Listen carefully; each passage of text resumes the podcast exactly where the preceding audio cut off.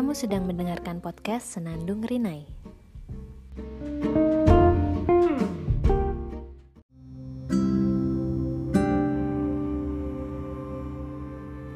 Hai, selamat datang di Senandung Rinai. Setelah minggu kemarin off podcastnya, minggu ini kita ketemu lagi di episode yang kesekian-sekian. Saya juga lupa ini episode berapa. Podcast ini akan membahas tentang hal yang sebenarnya saya sangat hindari untuk membahas soal ini karena setiap orang itu pasti ada hal-hal yang dihindari untuk dibicarakan. Entah itu karena hal tersebut bikin sedih, bikin sakit hati, bikin kecewa, atau karena hal-hal lain. Podcast ini saya persembahkan untuk anak saya kelak. Belum, saya belum punya anak, saya belum belum hamil dan belum akan punya anak dalam waktu dekat. Uh, mungkin, tapi saya nggak tahu. Tahun ini saya memasuki usia pernikahan ketujuh. Topik ini adalah topik yang sebelumnya saya sangat hindari untuk saya bicarakan, menghindari tatapan kasihan dari orang, menghindari ngedengerin saran-sarannya orang lain yang Bahkan saya nggak pernah minta untuk dikasih saran. Menghindari statement-statement yang ngejudge dari orang-orang yang sok tahu. Tapi seberapa kerasnya saya menghindar, hal itu hanya akan menyisakan perasaan yang negatif dan gak baik untuk saya. Daripada saya terus-terusan ngehindar, kenapa saya nggak up aja tema ini sekalian meskipun saya belum dikasih rezeki anak, tapi kayaknya saya udah hatam ya segala teori parenting dari influencer-influencer dari konten-konten di Instagram yang saya follow.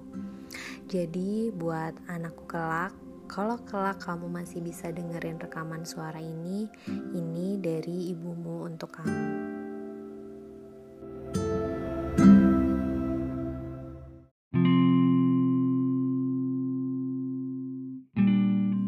Hai nak, entah kami harus menyebut diri kami sebagai apa, karena kami gak pernah membicarakan soal itu.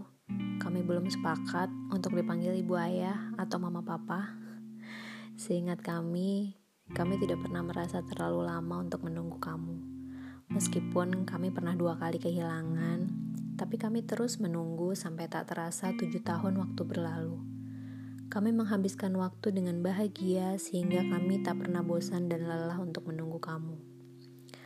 Orang-orang ingin memiliki anak karena mereka ingin punya keturunan, ingin ada yang menemani sampai mereka tua, ingin punya momongan agar rumah tidak terasa sepi.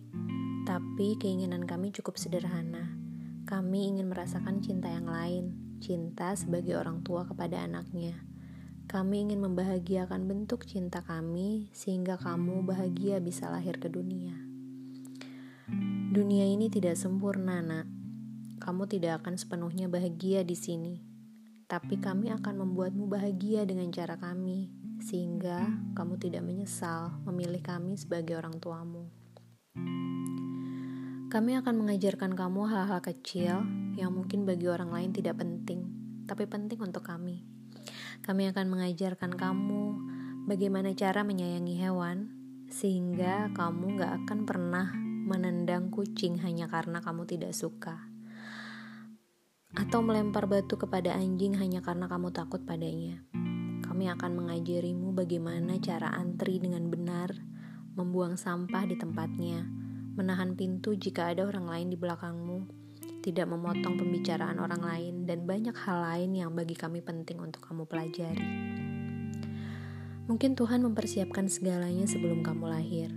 Mungkin kamu begitu istimewa sehingga kami diberikan waktu yang lebih lama daripada orang lain untuk memilikimu.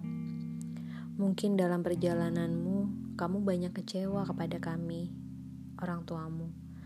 Kami memang tidak sempurna, tapi kami akan mengajarkanmu sehingga kamu memiliki hati yang bukan hanya baik, tapi juga berbelas kasih. Kami tidak minta kamu membalas jasa kami.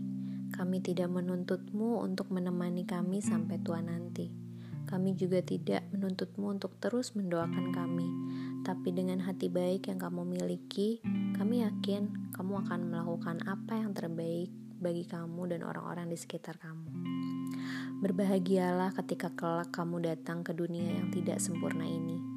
dari kami yang nantinya akan menjadi orang tuamu.